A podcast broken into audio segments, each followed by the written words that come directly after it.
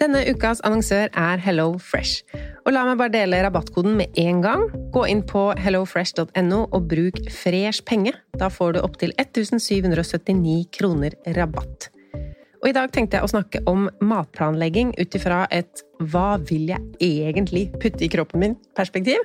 Altså ikke hva som er godt, men hvor mange ganger i uka vil jeg spise fisk, f.eks.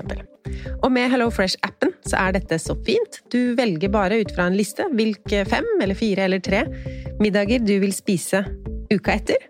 Og så kommer matkassa til deg på døra. Og du trenger ikke å tenke noe mer på hva du skal spise. Denne uka så blir det for meg to fiskeretter, to vegetarretter og en kyllingmiddag til guttene. Gå inn på hellofresh.no og se selv hva du kan velge mellom. Bruk koden FRESHPENGE for å få opptil 1779 kroner rabatt på de første seks matkassene dine, pluss gratis levering på den første kassa hvis du ikke har prøvd Hello Fresh tidligere. Rabatten kan du også bruke hvis du har vært kunde hos Hello Fresh, men det er mer enn tolv måneder siden. Har du et enkeltpersonforetak eller en liten bedrift? Da er du sikkert lei av å høre meg snakke om hvor enkelt det er med kvitteringer og bilag i fiken, så vi eh, gir oss her, vi. Fordi vi liker enkelt. Fiken superenkelt regnskap. Velkommen til Kjemperådet! Hey! Vi har fått inn et kjempenytt problem fra en mor. Jeg leser. Yes. Hei, jeg har en datter på 11 år som vurderer å slutte med orientering. Hun elsker jo å løpe, men finner aldri veien. Og jeg må sitte så lenge i bilen og vente. tricky. Yes, Ja, men ja dette her har jeg opplevd selv, faktisk. Og løsningen for meg ble da Maps på mobilen. Ja, hun er jo under 13 år. Da får hun 5 gigabyte data for bare 149 kroner med Telenor. Oi. Hun bør jo sjekke ut nye mobilabonnement på telenor.no, da. Yes!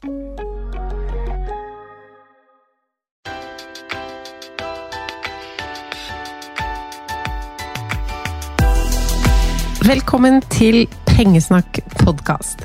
Både menn og damer. I dag er det jo kvinnedagen. Så hva passer vel bedre enn å snakke om økonomisk likestilling i denne podkasten i dag? Jeg har vært inne på Statistisk sentralbyrå og sett, og det er ikke mye nytt. Dette er ting vi vet. Flere menn jobber enn kvinner. Menn tjener mer enn kvinner.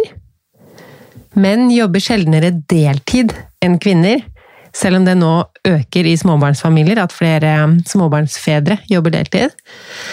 Men de fleste ledere er menn, spesielt på toppledernivå.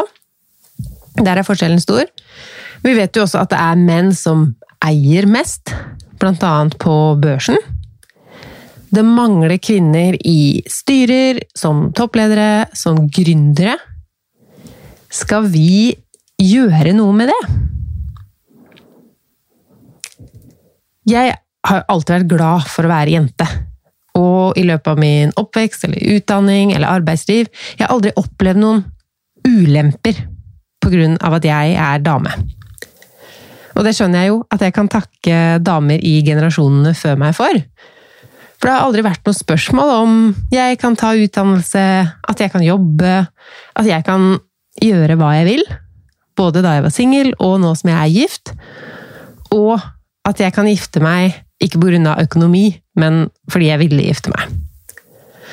Som sagt, jeg skjønner at jeg har mange å takke for at mitt liv som kvinne Jeg føler meg ikke begrenset på noen måte av å være kvinne. Når det gjelder økonomisk likestilling, så er det jo flere arenaer for det.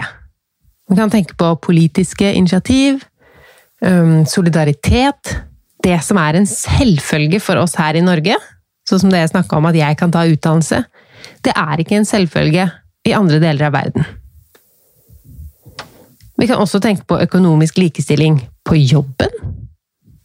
Der kanskje du kan ta litt ansvar, enten du er leder eller du er ansatt, kanskje spesielt i privat sektor der det forhandles individuelt om lønn.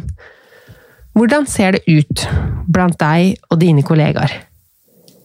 For det handler ikke altså Den lønnsforskjellen handler ikke bare om at menn er så mye flinkere til å forhandle enn kvinner. Det skal vi snakke om faktisk i en episode, så snart det blir litt enklere å ha gjester i studio, for da skal jeg ha to gjester og snakke om det. Men jeg vil begynne i dag der jeg som regel begynner, med økonomiske temaer, og det er hjemme. Hvordan ser den økonomiske likestillingen ut hjemme?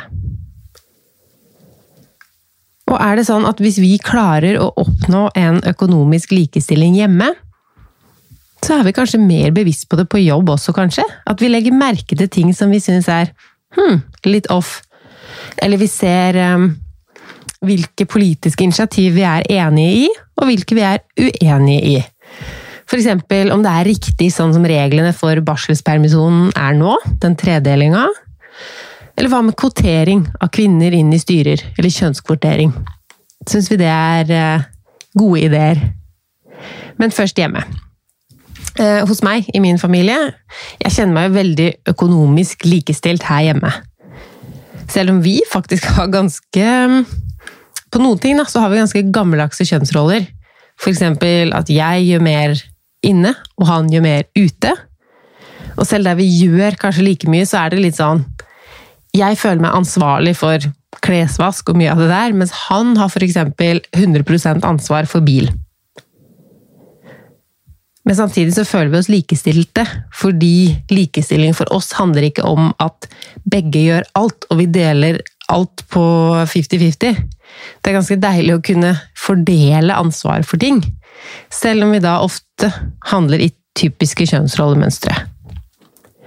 Og når det gjelder økonomi, for mange så er jo det også en typisk manneting og derfor tilfaller oppgaver med huslån, nettbank og alt sånn pengegreier, det kan fort havne i fanget på mannen.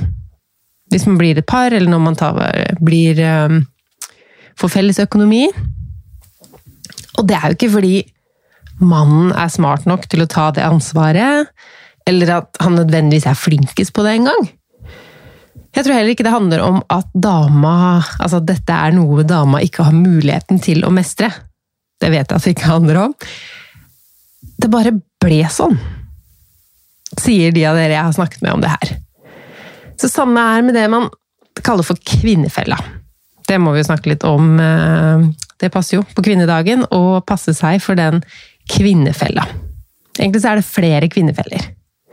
Typiske kvinnefella er at man i et parforhold ender opp med at mann kjøper hus og andre verdier, kone, eller enda verre, samboer, kjøper puter og mat, klær til barn, andre sånn forbruksvarer. Og det er jo ikke alltid at det er mannen som er mannen og kvinnen som havner i kvinnefella, men eh, det er jo en statistikk som er i den eh, favøren at det er kvinner som typisk handler i denne kvinnefella. Og mange av dere er der. Eller dere er cirka der. Og det er jo ikke fordi dere menn er ute etter å lure damene deres. Og damer, dere er ikke noe offer. Og dere er heller ikke dumme som ikke har gjort noe annerledes. I de tilfellene jeg veit om, så var altså utgangspunktet Det bare blei sånn. Og jeg tenker at hovedgrunnen til det er at de fleste kvinner bor sammen med en mann som er i alle fall to år eldre.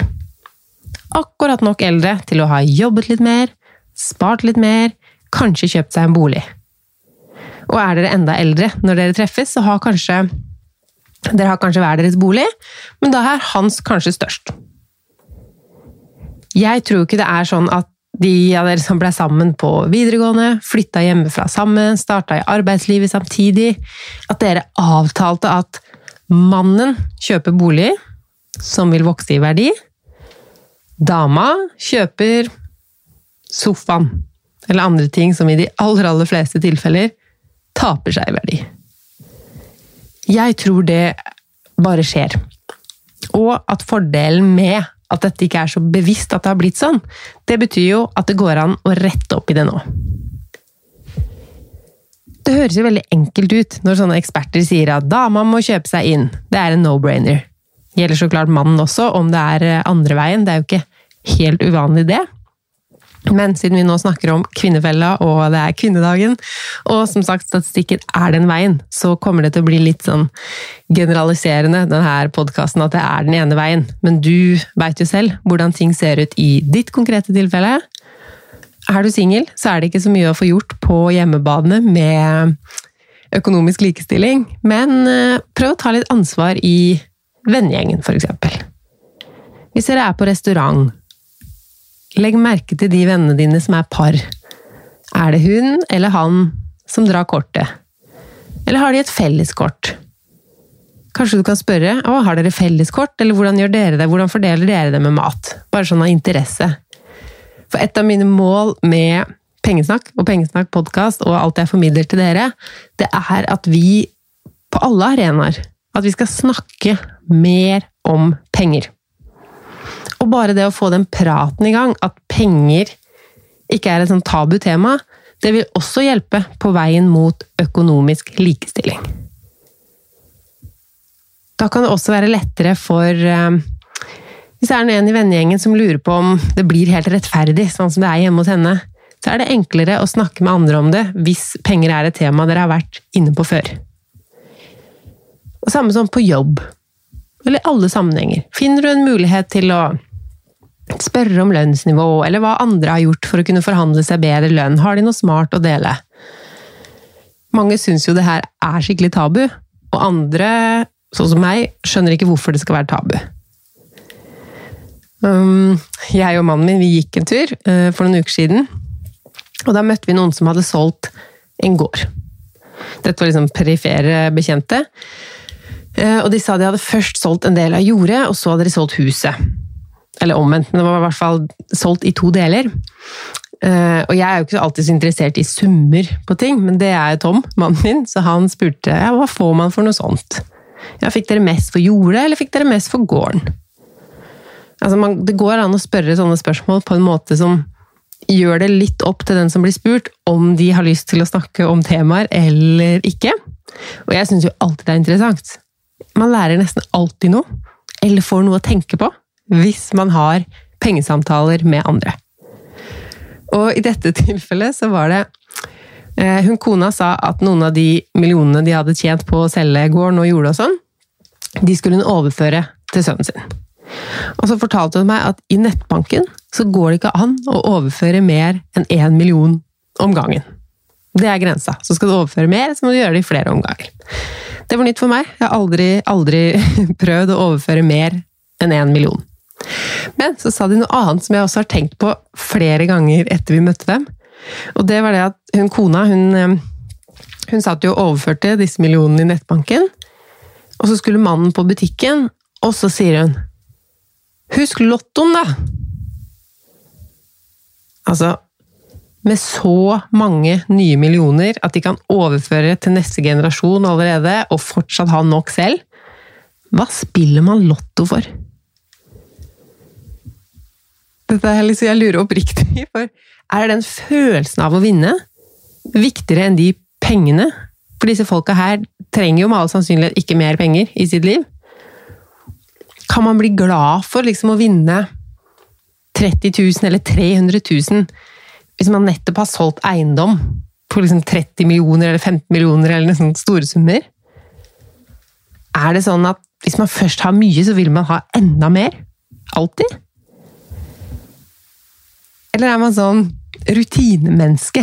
At det ville vært så rart å ikke gjøre det man alltid har gjort? Tippekupongen har alltid vært levert, sånn skal det være. Jeg vil være med når lottotrekninga går. Jeg veit ikke. Men jeg syns det var interessant å høre med. Jeg har tenkt på det flere ganger. Husk lottoen midt i alle de millionene overføringene. De har i hvert fall råd da, til å spille lotto. Men hvorfor gjør de det? Anyways, økonomisk likestilling bare ved å prate om penger med hvem som helst. Så det tenker jeg er faktisk et skritt mot økonomisk likestilling. Mindre tabubelagt tema penger, og en større åpning for at kvinner også skal ta sin del av ansvaret. Men om du nå sitter der i denne kvinnefella, eller at du tenker at hm, altså hvis du er mann da, og tenker at jeg bor sammen med noen som har havnet i kvinnefella, hva kan vi gjøre? Det starter jo også med å snakke sammen. Hvis du har en partner, tenk høyt sammen. Er det økonomisk likestilling hjemme hos dere? I dag på kvinnedagen så er det en kjempefin dag å starte den praten. For hva kan dere gjøre for å bli mer likestilte? Fra og med i dag. Hvis dere er samboere, så er jo samboerkontrakt noe å se på. Det er ikke så vanskelig som en skulle tro. Og jo tidligere i forholdet man gjør sånne ting, jo enklere. Fordi da husker man jo alt, og det er ikke sånn masse historikk, både følelsesmessig og praktisk pengemessig. Min første samboer, han eide TV-en. Så da det forholdet ble slutt, så måtte jeg da velge eh, mellom å skru ned TV-en, eller å betale han det TV-en kosta. Og det visste vi jo begge hva den kosta ett år tidligere. Men jo mer tid som går, og jo mer felles og delt ting blir, og man ikke husker verken hvem som kjøpte, hva det kosta, da blir det jo mye vanskeligere å ordne opp ved et brudd, eller hvis den ene dør. Jeg har en episode her i podkasten som heter Arverett og jussnakk. Og der har jeg med meg en ekte advokat, Derja Insedørsund. Hun forklarer mye om det her med samboeravtale og testamentet, så den anbefaler jeg deg å høre på. Og når det gjelder selve boligen, hvordan kan man gjøre det? For det er jo klassisk at eh, mannen eier boligen, og kvinnen flytter inn. Ja, nå skal jeg lese opp en kommentar fra et online forum. Kvinnefella, det er når kvinner flytter inn i en mann sin bolig, bor billig til langt under halvparten av markedsleia, men likevel ikke har disiplin nok til å spare på egen hånd. Der var det en som var litt tøff i trynet, dere kan jo gjette selv om det var en kvinne eller en mann. Eh, jeg tror på ingen måte at det handler om disiplin. Jeg tror det handler om igjen at det bare ble sånn. For et alternativ er jo å spare. Hvis det er sånn at mannen eier bolig og har den investeringen, kvinnen har ikke um, Det er jo den investeringa òg som Mannens investering i boligmarkedet den har jo gitt han mer og mer egenkapital. Og om boligmarkedet fortsetter å vokse, så vil jo det fortsette å gi han mer og mer egenkapital. Og det er jo ikke noe hun får spart opp like enkelt ved siden av. Og jeg tenker sånn både praktisk og motivasjonsmessig så er det jo mye enklere å få en regning, eller at hus, um, lånet på huset det er en regning som forfaller hver måned. Mens hun, kvinnefellekvinnen, da, hun må jo finne ut hvordan skal hun investere? Når skal hun investere? Hvor mye skal hun investere? Hvordan skal hun få brukt sine penger på en måte som er smartere enn å bare kjøpe forbruksting som blir borte? For det er jo supersmart om hun også gjør noe smart med sine penger. Og et veldig fint alternativ er jo å kjøpe seg inn i boligen. Men kan hun kreve det? Jeg mener nei. Hvis de to er samboere, og hun har flytta inn, hun vil kjøpe seg inn Det kan hun ikke kreve. Og på andre siden, kan han kreve at hun kjøper seg inn? Jeg mener nei. Men jeg mener også at hvis de her to da skal ha et sjanse som par, så bør de jo finne på noe lurt sammen. Enten det blir å kjøpe seg inn eller ikke. Fordi fra hans side, hvis han nå eier 100% av boligen, og fremover skal eie 80% eller 60% eller 50% hvis de deler det likt, så blir jo den investeringen hans i boligmarkedet mindre. Kanskje blir han jo gjeldsfri hvis hun betaler han for halve boligen plutselig. Så da må han finne på noe annet smart med pengene. F.eks. i aksjemarkedet. Hvis ikke disse her to skal da kjøpe seg noe dyrere sammen. Og for hennes del Noen har jo da bodd gratis i noen år. Noen har brukt penger på felleskostnader, som mat osv. Eh, mens andre par setter jo opp en husleie. Og den typiske, altså det typiske man tar utgangspunkt i, er det han betaler i renter på huslånet, deles på to. Og så, eh, etter man har trukket fra rentefradraget også, da. Og så er det hvor mye han betaler i kommunale avgifter, eller husleie til borettslag, eller om det er sånn sameie som har et um, fellesutgift. Og den, den retningslinja syns jeg også er fin som en retningslinje. Eh, avdrag på boliglånet, det er jo sparing. Hans sparing. Så hun som da skal betale leie, trenger jo ikke å betale for at han skal betale ned på lånet sitt, den sparinga. Men samtidig, hvis den man flytter inn hos, har jobba veldig med det boliglånet og har betalt ned masse på lån, så er det jo færre renter å spleise på. Og verdien av å bo der for den som leier, den er jo lik. Så jeg tenker også at man kan se litt på hvordan det beløpet ender opp etter det regnestykket. Altså halvparten av strøm, internett, kommunale avgifter, eventuelle sånn fellesutgifter i sameie, og halvparten av rente. Er det, er det langt under det som man ville betalt på det frie markedet, eller hvis man skulle hatt en eh, leid et rom hos noen, da? Eller er det langt over? Da jeg hadde min første samboer, eller leieboer, da hadde vi jo i utgangspunktet tenkt til å leie noe sammen. Så da hadde vi satt en pris. Nå er jo dette lenge siden, men la oss si det var 6000 kroner. Når jeg da kjøpte leilighet, og det blei sånn at han ble leier hos meg, så satte vi husleia til 3000 kroner for han. Uten å lage noe regnestykke på mitt lån, osv. Så, videre. så snakk sammen om hva som blir rettferdig akkurat i deres tilfelle, og ta en ordentlig prat om du skal inn i noe sånt nå. Sikre den økonomiske likestillinga.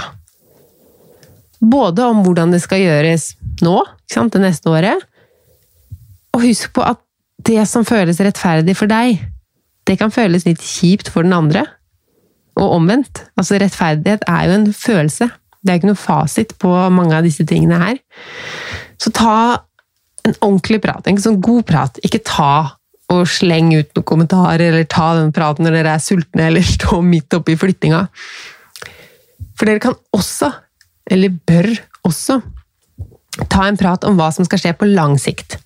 Er det planen at her skal vi bo resten av livet, så er det kanskje annerledes enn at her skal vi bo til vi er ferdig å studere, eller her skal vi bo til vi har råd til å kjøpe noe større Altså, det er jo en fremtid her. En løsning jeg hørte at noen hadde, som jeg syns var eh, Nå veit jeg ikke alle detaljer, men det hørtes genialt ut. Og der var det sånn at hun leide hos han. Til markedspris, tror jeg. Og så ble de enige om at hvis de fortsatt var sammen etter en viss tid, så skulle de regne at de pengene hun hadde leid hos ham for, da ble gjort om til penger hun hadde kjøpt seg en del av boligen for. Minus renter og sånn, da. Ellers hadde det blitt en veldig god deal for den som flytta inn. Så det er jo veldig mange måter å gjøre det på. Og som sagt, ingen fasit, men sørg for å finne en ordning som passer for dere, og som føles riktig og blir rettferdig på sikt. For jo lenger tid det går med en sånn skjevdeling, eller at én er i kvinnefella, jo verre blir det. Altså, jo større blir ulikhetene i økonomien. Og hvordan kan man etter hvert kjøpe seg inn hvis alle pengene brukes på forbruk for hennes del, og alle pengene brukes på boligen for hans del? Han opparbeider seg da en større og større formue, mens hun kommer lenger og lenger unna muligheten å kjøpe seg inn. Og så er det den daglige økonomien, da. Hvem er nettbanksjefen? Er det noen felleskontoer som det skal holdes styr på? Tenker dere at det jevner seg ut på sikt? Det er ikke sikkert det gjør det. Det er ganske deilig å ha et fast beløp som spyttes inn på felleskontoen fra begge. Her er det også flere varianter. Altså, begge slenger inn 3000 kroner hver, og det er kun til mat. Eller begge slenger inn 5000 kroner hver, og det kan også kjøpes bensin, gaver, ting til barna eller litt sånn andre Altså beløpene, for det første, må dere finne fram til selv, og også hva det skal brukes til. Det er jo ganske store variasjoner her, både med familiestørrelse og hvilke vaner man har og sånn. Vi har det jo sånn at vi har et kredittkort til felles utgifter, og det deler vi 50-50 på når regningen kommer. Eller helt nøyaktig, jeg betaler regningen, Tom betaler barnehage og en del andre ting.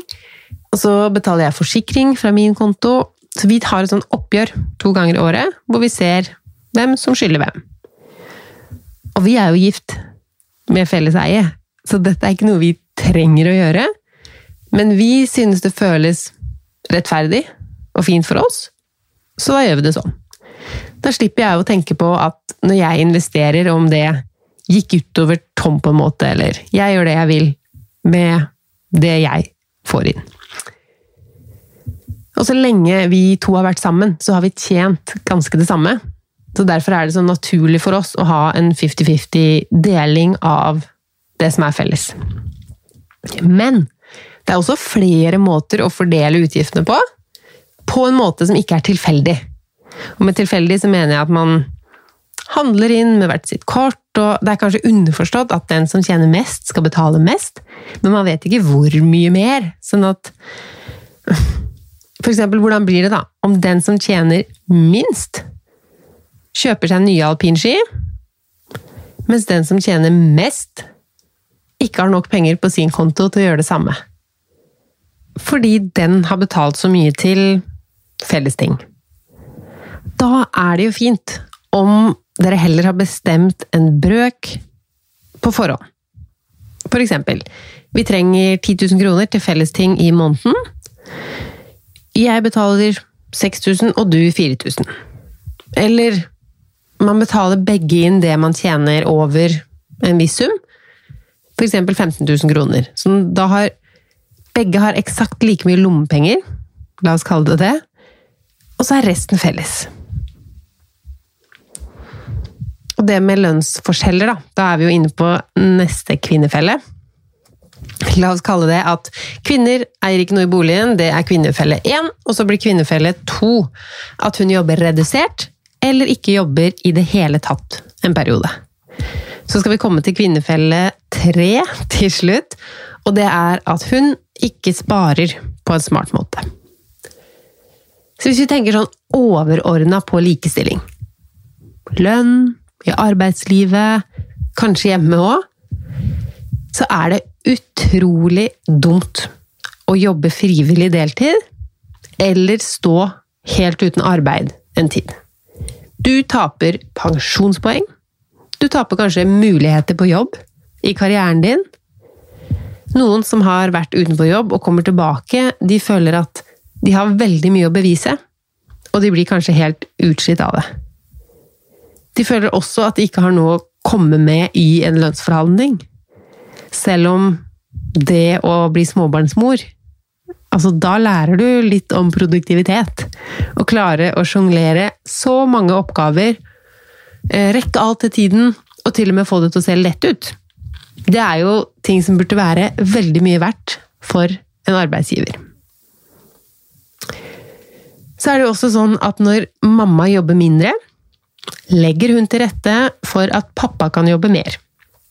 Og da rykker han jo enda mer fra. Karrieremessig, lønnsmessig. Så du taper på det. Likestillingsmessig og økonomisk, blant annet med tanke på pensjon. Men kanskje dette er en brannfakkel? Eller kanskje du syns det var mer provoserende det jeg nettopp sa? Men Lever du ditt liv for å sikre likestillingen i arbeidslivet?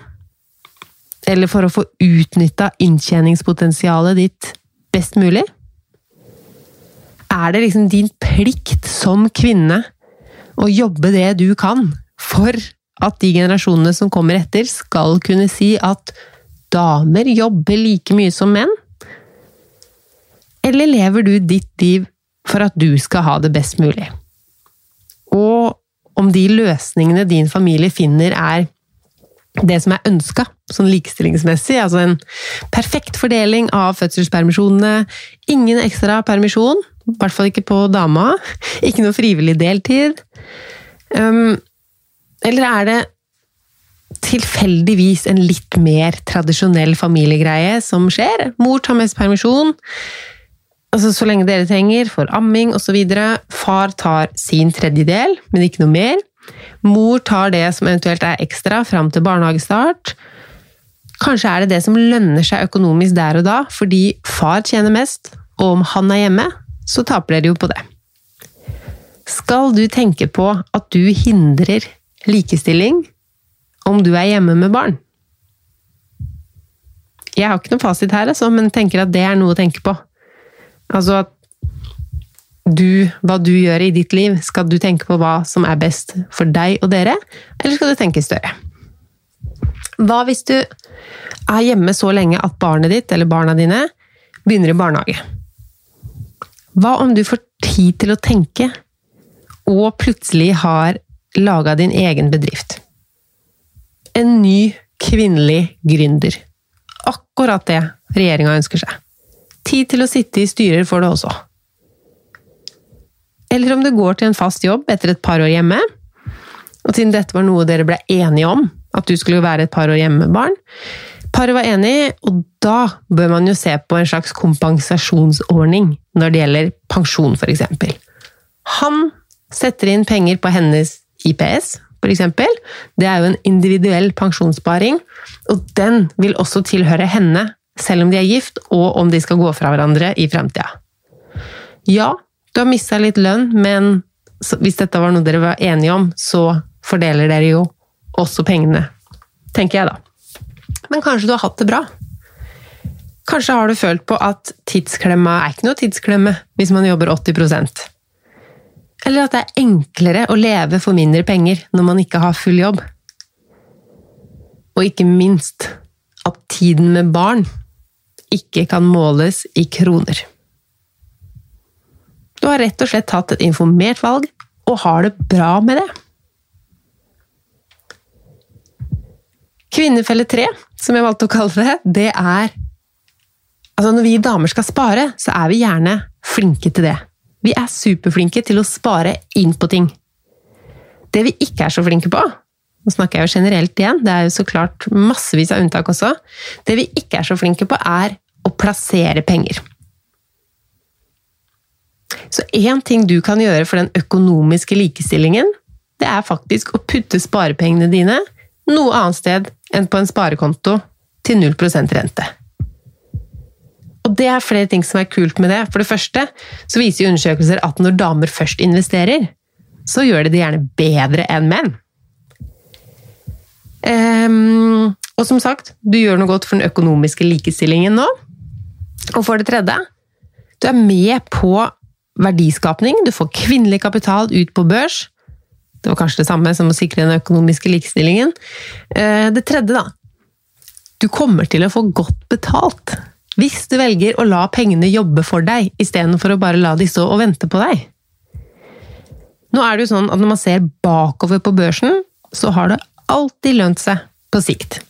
Og så her snakker jeg om investering, ikke spekulering. Kjøper du aksjer i dag og selger dem neste fredag, det kan ha gått bra, det kan ha gått dårlig, Kjøper du, altså investerer du bredt, massevis av selskaper i et fond f.eks., har dem i flere år, så begynner det å mangle på eksempler at det ikke lønner seg å være investert på børsen.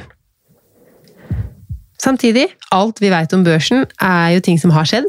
Hva som skjer framover, veit vi ikke, men så lang historikk, og at det alltid lønner seg så lenge man har en god horisont, det kan du se, lese masse om på internett.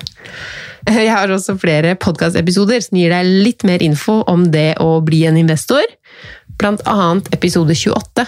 Der har jeg Beate Engelsjøen som gjest, og hun forklarer på en fin måte hvordan man går glipp Altså hva man går glipp av ved å ikke være investert. Jeg tenker det er nok for i dag, jeg. Ja. Hvis jeg skal oppsummere, da. Gjør deg opp noen tanker om du er økonomisk likestilt. Er det økonomisk likestilling hjemme hos deg? Og hvis ikke, hva kan du gjøre? Stå, eier, på, stå som eier på boligen hvis det er mulig. Eller invester mer Du kan investere selv i noe helt annet hvis det ikke er noe alternativ å kjøpe seg inn. Men ta informerte valg, og tenk på pensjon hvis du i noen år står utenfor arbeidslivet. Og husk på at penger og økonomi, det er ikke noen mannesak. Det er nesten så jeg syns litt synd på dere menn, fordi menn, dere skal liksom kunne dette her, dere. Og så får dere gjerne ansvaret. Men hvem har liksom lært dere alt dere trenger å vite om penger og økonomi? Det finnes jo ikke noen egne mannekurs som damer ikke får lov å være med på. Og når det er liksom lagt opp til at dette er ting du skal vite, så er det ikke så enkelt å spørre. For det er jo ting du burde ha visst. Så er det sånn Jeg elsker jo dumme spørsmål. Såkalte dumme spørsmål. Ingen spørsmål er jo dumme. Men vet dere hvem som tør å stille dumme spørsmål? Det er jo damer. Og kanskje har jo det med en uheldig eh, historikk å gjøre, men det er ikke forventa at alle damer skal kunne alt det her fra før. Så derfor er det lettere for damer å aktivt søke informasjon. Sånn føler jeg det. Så menn, en oppfordring til dere menn kan vi slutte med på kvinnedagen i dag. Still et spørsmål om noe med penger eller økonomi til en dame i dag.